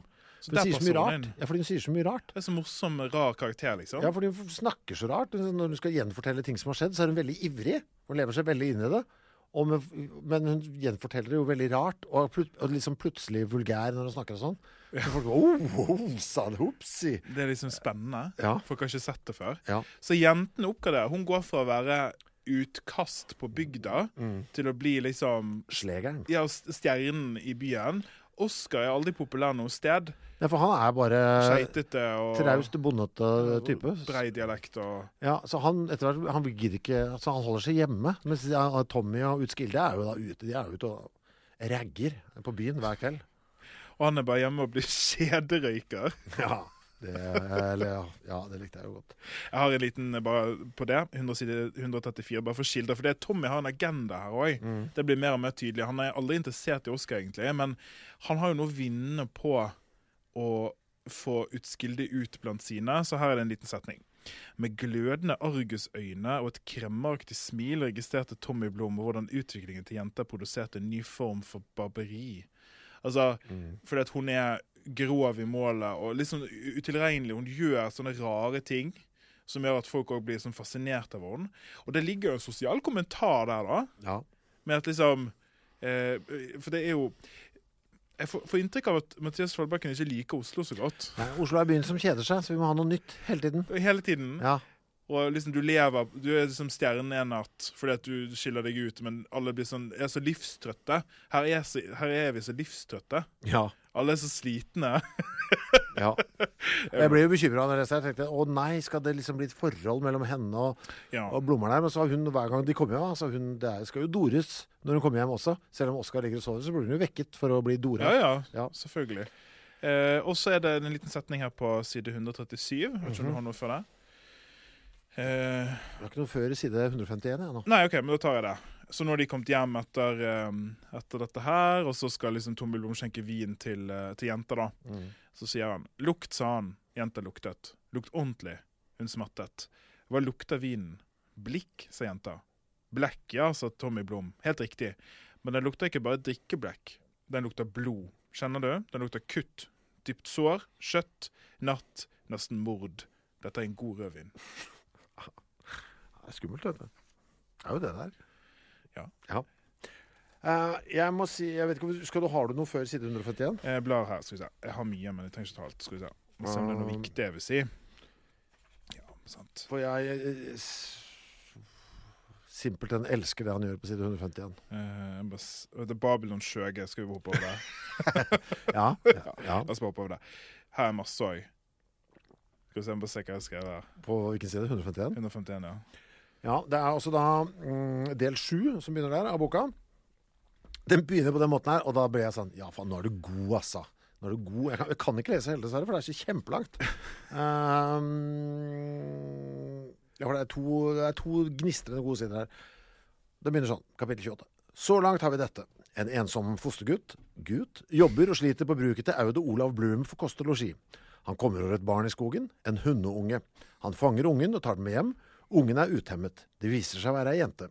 Hun har lidd under noe doktoren mener er en traumebasert veksthemning, Kaspar Hauser-syndrom, som det også kalles.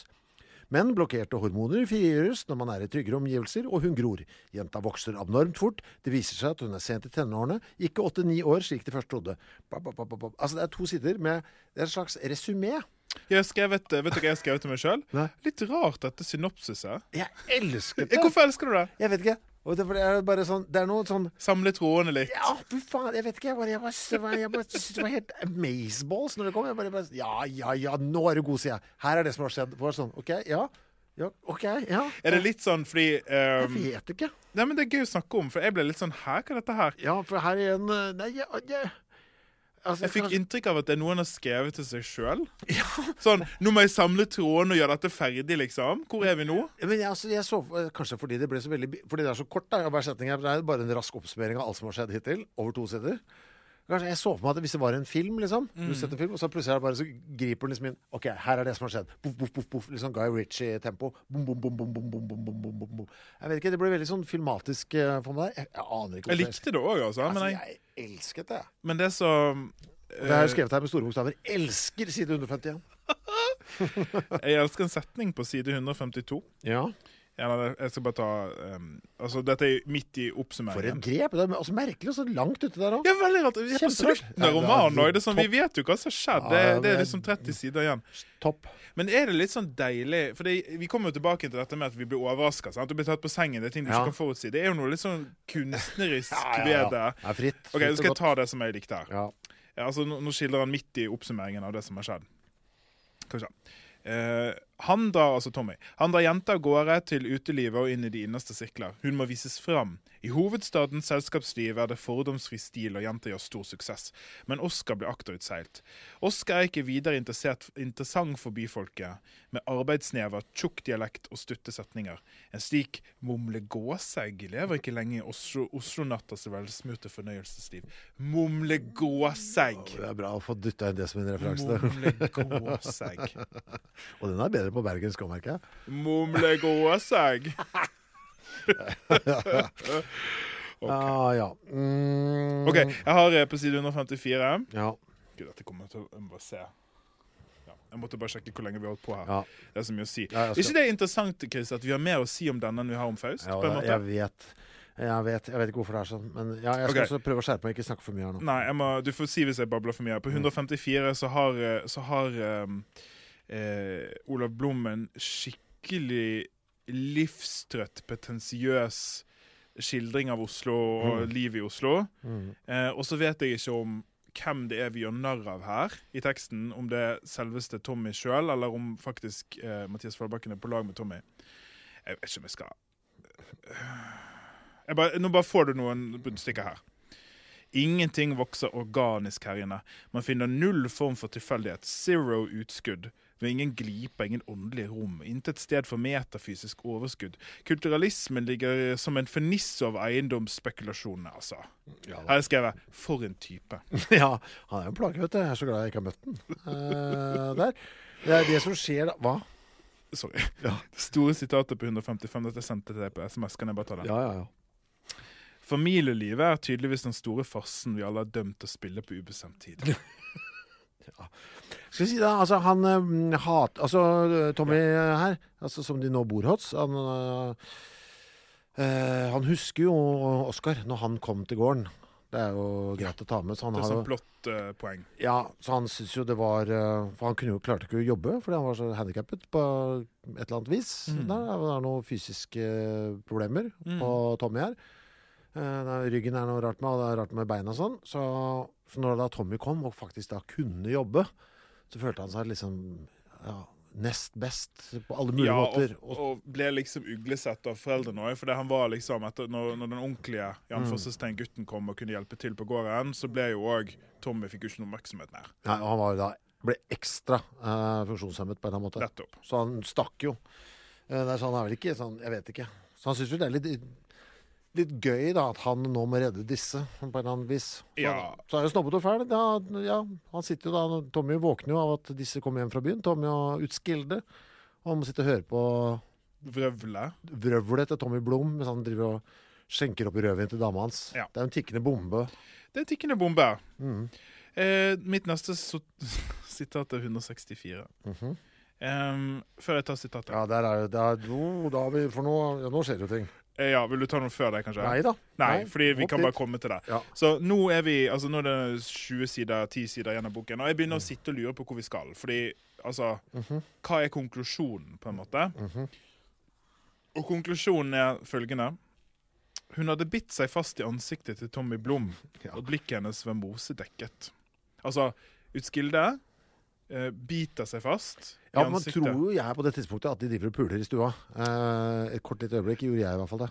Vel, det som gjør at hun tilter, er vel at han driver og sier stygge ting om Oscar, ikke det det? Jo. Altså, eh, er det, Tommy driver og snakker ned Oscar til Utskilde. Ja. Og så får hun et sånt Vi blir minnet på det at hun har jo fortsatt dette i seg. Ja. Altså det her brutale, plutselige eksplosjonen. Mm. Og, den, og da, da biter hun seg faktisk fast i ansiktet. Og ja. Det òg så ikke den komme. Nei. Det, nei. Uh, ja, som en ulv så sitter han liksom midt i Og han, han, hun er jo da også da umulig å Oskar prøver å få den, få den løst, da. Ja, hun, han stormer ut i stuen midt på natten og drar hun løs. Eh, og så får, hun, får han hun til slutt roet ned, og det er tilbake til Det er jo å gi henne en albue midt i Ja. så hun besvimer. Ja, sånn, ok, Det er- ja, det var Det, er, det er jo litt trøkk i Det er litt trøkk i det. Ja. Eh, også på side 168 så har jeg bare skrevet dette hjerteskjærende. Eh, 168. ja, det er en sekvens der der eh, altså han holder hun, og hun eh, Gud, nå ble jeg sånn tjukk i halsen, faktisk. Jeg synes det, det gjorde veldig inntrykk på meg. Ja, det er fælt. Eh, for det, det er jo òg noe med ømheten i det som jeg tror på, da. Men han, eh, han driver og former en øse med hånden, Mm. altså et, et kor tilbake til det han gjorde når han tok vare på henne. Mm. Eh, og gjør egentlig fred med at han må si ha det til henne. Altså det er over. Ja. Det er slutt. Dette går ikke. Eh, og det er fryktelig fælt å lese, syns jeg. Uh, syns Tror du dette er en trykkfeil, eller tror du det er gjort med vilje uh, fra forfatteren og forlagets side?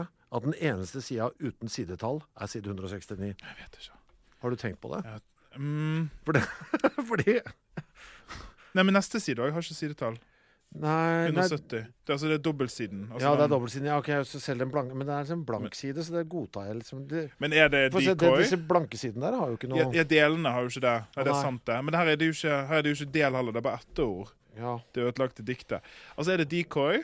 Er det litt sånn som de der ordene som er uthevet uten grunn? Jeg vet ikke. Nei, jeg vet ikke heller. For der er det jo liksom det verste, eller liksom det tristeste Det er det verste av alt, at det liksom går i null. Um, At sorgen er så stor at det liksom visker ut. ja, De ligger jo her, da. ikke sant? Han driver og trøster henne. Det beste, sa Oskar og fortsatte klappingen mens alt dirret og skalv og det var vanskelig å se. Med å la deg gå, han ristet Bodø, er at jeg omsider, fortsatte han, kan si ha det til meg sjøl. Ja. Da smilte ut Skilde og sa noe svakt, og Oskar la øret helt inntil munnen hennes. Oskar, sa hun. Ja, skal jeg rive ut hjertet ditt? Allerede ute, sa Oskar. Det er så fælt! Det er fælt og bra, vet du. Ja, det er bra. Og der er ikke det side 169. Altså sidetallet ut, Ja, jeg vet ikke om det vekke. er bare Men nå blir jeg, du vet, nå blir jeg så letende etter spor, vet du. Ja, jeg. Jeg tipper at det er tilfeldig. Ja. Og så er det etterordet. Det ødelagte diktet, så nå er det liksom rettssaken, da. ja, fordi ikke sant, selvfølgelig. Tommy har jo penger og midler og går jo til rettssak, selvfølgelig. Ja, mistet halve øyenbrynet òg, må Ja, vi kanskje ligge til. Ja, han blir ytterligere skamfert. Og her kommer vi altså til litt Da samler vi trådene litt, syns jeg. Så her er altså Utskilde på rettssalen og har en forsvarer. Mhm. Jeg har 176 og 77, da har jeg en del. Mhm. Kanskje du har noe før det? Nei. Altså, her sier Her skal liksom Forsvareren skal forsvare, sant? Ja. Og så sier han følgende. 1700-tallets viltbarn, sa forsvareren, hadde en nobel, uforfalsket og poetisk sjel, mente man under sitt usiviliserte ytre. Viltbarnets adelsmerke var primitiviteten. Det var et paradisisk menneske, ubesudlet av kultivering. Men i dag tenker vi annerledes. I dag er såkalte viltbarn det arv- og miljøeksperimentet vi ikke har lov til å gjennomføre. Altså om Utskilde. Og så kommer det på side 177, bare henger veldig sammen der. Min klients motivasjoner kommer altså fra et skjult sted. En usett plass. Hun besitter en uinntrengende subjektivitet som verken hun eller vi har tilgang til. Han tidde et øyeblikk. Dette gir oss i dag en sjelden anledning til å stille følgende spørsmål. Behøver vi egentlig å vite? Må vi på død og liv vite hva som ligger bak? Og der har vi det, føler jeg. Hva tenker du? Nei, jeg føler det er det som er misjonen her. Trenger Ja. vi vite hva som ligger bak? Trenger vi vite hvor skillet kommer fra? Trenger vi forstå konvolutten? Trenger vi forstå hun? Trenger vi forstå Oscar? Ja. Sant? Altså Uansett hvordan du snur på regningen her. Trenger vi forstå den leverfargede katten? Ja. Jeg føler det ligger en sånn vi, vi trenger ikke på død og liv å få innsikt i intrigene bak, bare at vi kommer fra et sted med grunnleggende empati.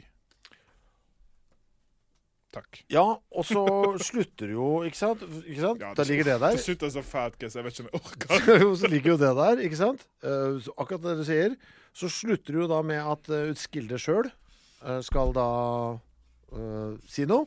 Ja. Hun har jo da eh, Ja, hun har jo skrevet noe, da, som hun leser opp. Ja, for det heter jo det Hva heter dette etterordet glemte Nei. Et, det ødelagte diktet heter det. Ja, for da slutter hun jo med en litt sånn lang ting.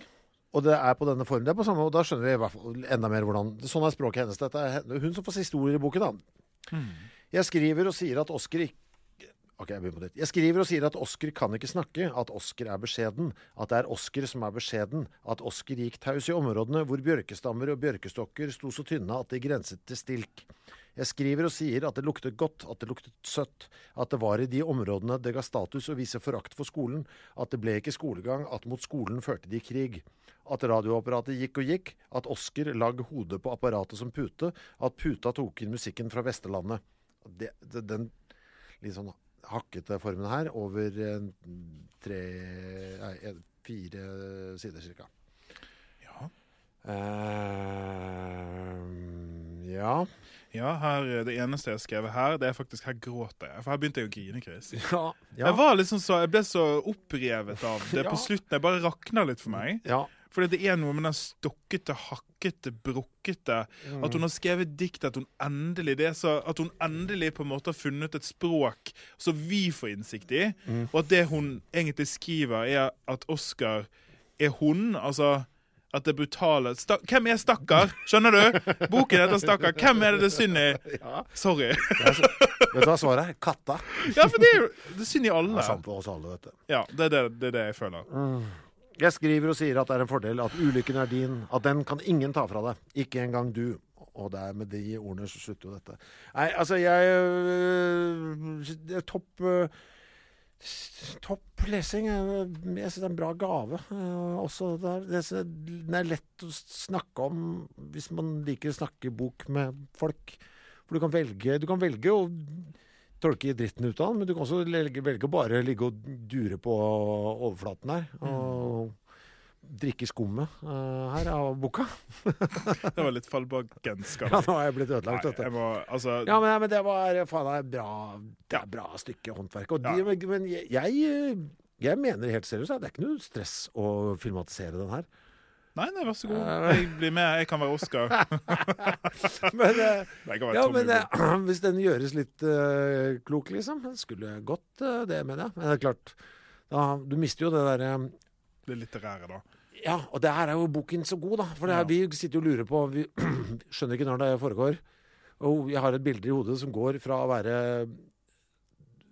altså Ville Vesten-aktig landskap til å være nåtids storbylandskap. Til å være 30-tallet, liksom, og sånn derre Great Gatsby-aktige fester som Ja. Tommy på. Altså, så jeg har masse Og det, det får ikke film til, da, for de må velge. Og det Og så pluss at det som er Altså det som er romanens hov, altså det som er romanens styrke, er at vi får vite det forfatteren forteller oss. Ja. Mens i en film så får vi se alt. ja. Um, og det gjør jo òg noe unikt med leseopplevelsen. Og jeg må bare si dette er faktisk dette er kjempebra. Dette er på en måte noe av det beste jeg har lest på lang tid. Jeg har også storkosa meg. Og dere hører jo sikkert det når vi driver og plaprer i timevis her Ja. om denne boken. Altså, det er noe med Kunne prata mye lenger nå. Ja, jeg kunne jo det. Eh, oppsummert for min del, Mm. så tror jeg Altså, denne, det traff en eller annen nerve som var for meg helt uventa. Når jeg begynte boken, så, så visste jeg ikke hvordan det kom til å føles. Og jeg sitter igjen med en sånn Det er noe med empatien i det. Det er fælt, ja. Det er morsomt fælt. Men det er noe med at det jeg sitter igjen med, er en sånn en sånn følelse av at du må Du trenger ikke å forstå for å kunne føle, hvis du skjønner. Mm. Og jeg elsker at denne romanen lar meg ha masse spørsmål.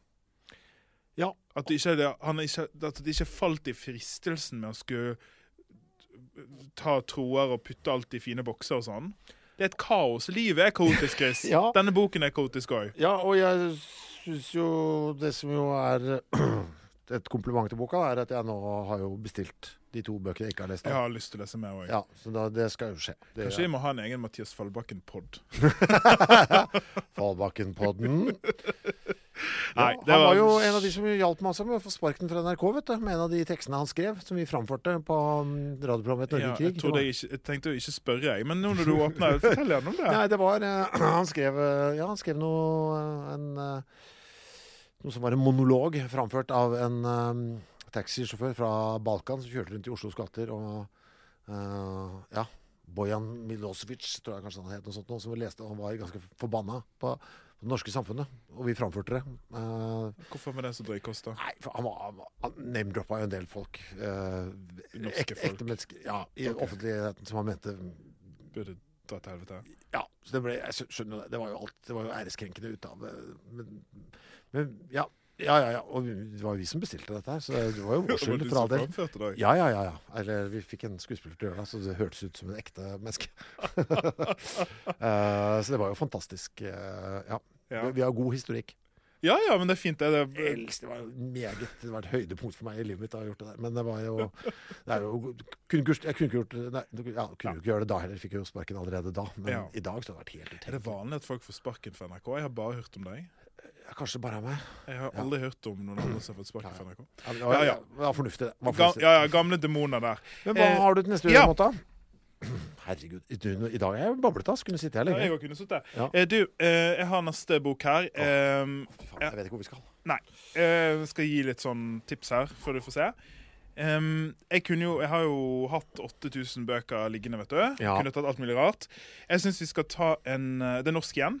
Mhm. Litt eh, Ikke samtid. Nei? Det er litt tilbake i tid, men ikke så langt tilbake i tid.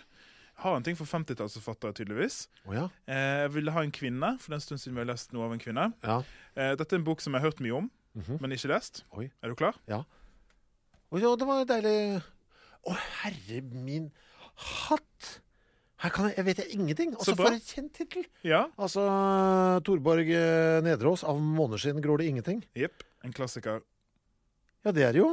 Også så flaut at jeg ikke Fy faen, dette Ja, det var, det var deilig. For nå, nå fjerner du noe sånn Dette er samme som med sangene uh, Har tydeligvis en ting for den tidsperioden. Ja, men det, altså, det er jo skamfulle hull i uh, Oi sann! Opsi, opsi, opsi. Ja, men i allmenndannelsen her. Ja. Skamfulle hull, du.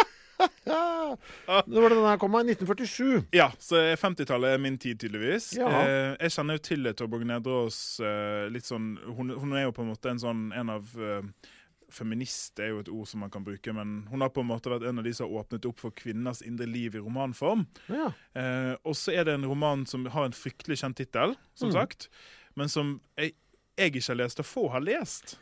Der, vet du. Det eh, står jo her eh, Boken har vært filmatisert for TV og blitt spilt på teater. Det kan jeg synes jeg kan huske. At det var sånn fjernsynsteater og sånn da jeg vokste opp. ja. Ja. Ja, men du, dette er gøy. Dette var kjempegøy.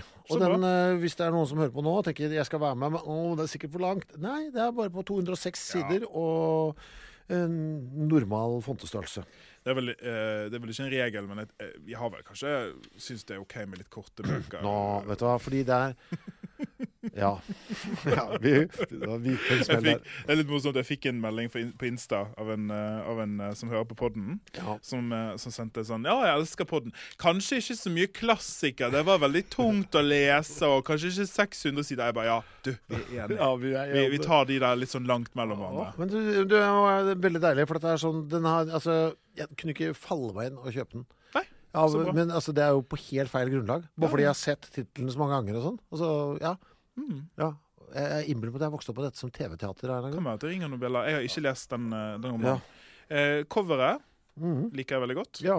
Det er ikke noe å si. Du skal ikke ja, men det en, eh, røkende, det er en røkende kvinne. Det i seg selv syns jeg er eh, Monokomatisk og, lovende, lovende godt. Det. og baksiden har en måne. -hmm. Ja. Så om en måned så skal vi lese denne. Mhm. Jeg gleder meg. Jeg òg. Eh, bli med og les dere òg, for guds skyld. Så snakkes vi. Ha det. Ha det. Mom deserves the best, and there's no better place to shop for Mother's Day than Whole Foods Market. They're your destination for unbeatable savings, from premium gifts to show-stopping flowers and irresistible desserts. Start by saving 33% with Prime on all body care and candles. Then get a 15-stem bunch of tulips for just $9.99 each with Prime. Round out Mom's menu with festive rosé, irresistible berry chantilly cake, and more special treats. Come celebrate Mother's Day at Whole Foods Market. Planning for your next trip? Elevate your travel style with Quince. Quince has all the jet setting essentials you'll want for your next getaway, like European linen, premium luggage options, buttery soft Italian leather bags, and so much more. And is all priced at 50 to 80% less than similar brands. Plus, Quince only works with factories that use safe and ethical manufacturing practices. Pack your bags with high-quality essentials you'll be wearing for vacations to come with Quince. Go to quince.com slash pack for free shipping and 365-day returns. Imagine the softest sheets you've ever felt. Now imagine them getting even softer over time. That's what you'll feel with Bowl and Branch's organic cotton sheets. In a recent customer survey, 96% replied that Bowl and Branch sheets get softer with every wash. Start getting your best night's sleep in these sheets that get softer and softer for years to come. Try their sheets with a 30-night guarantee. Plus, get 15% off your first order at bowlandbranch.com. Code BUTTERY. Exclusions apply. See site for details.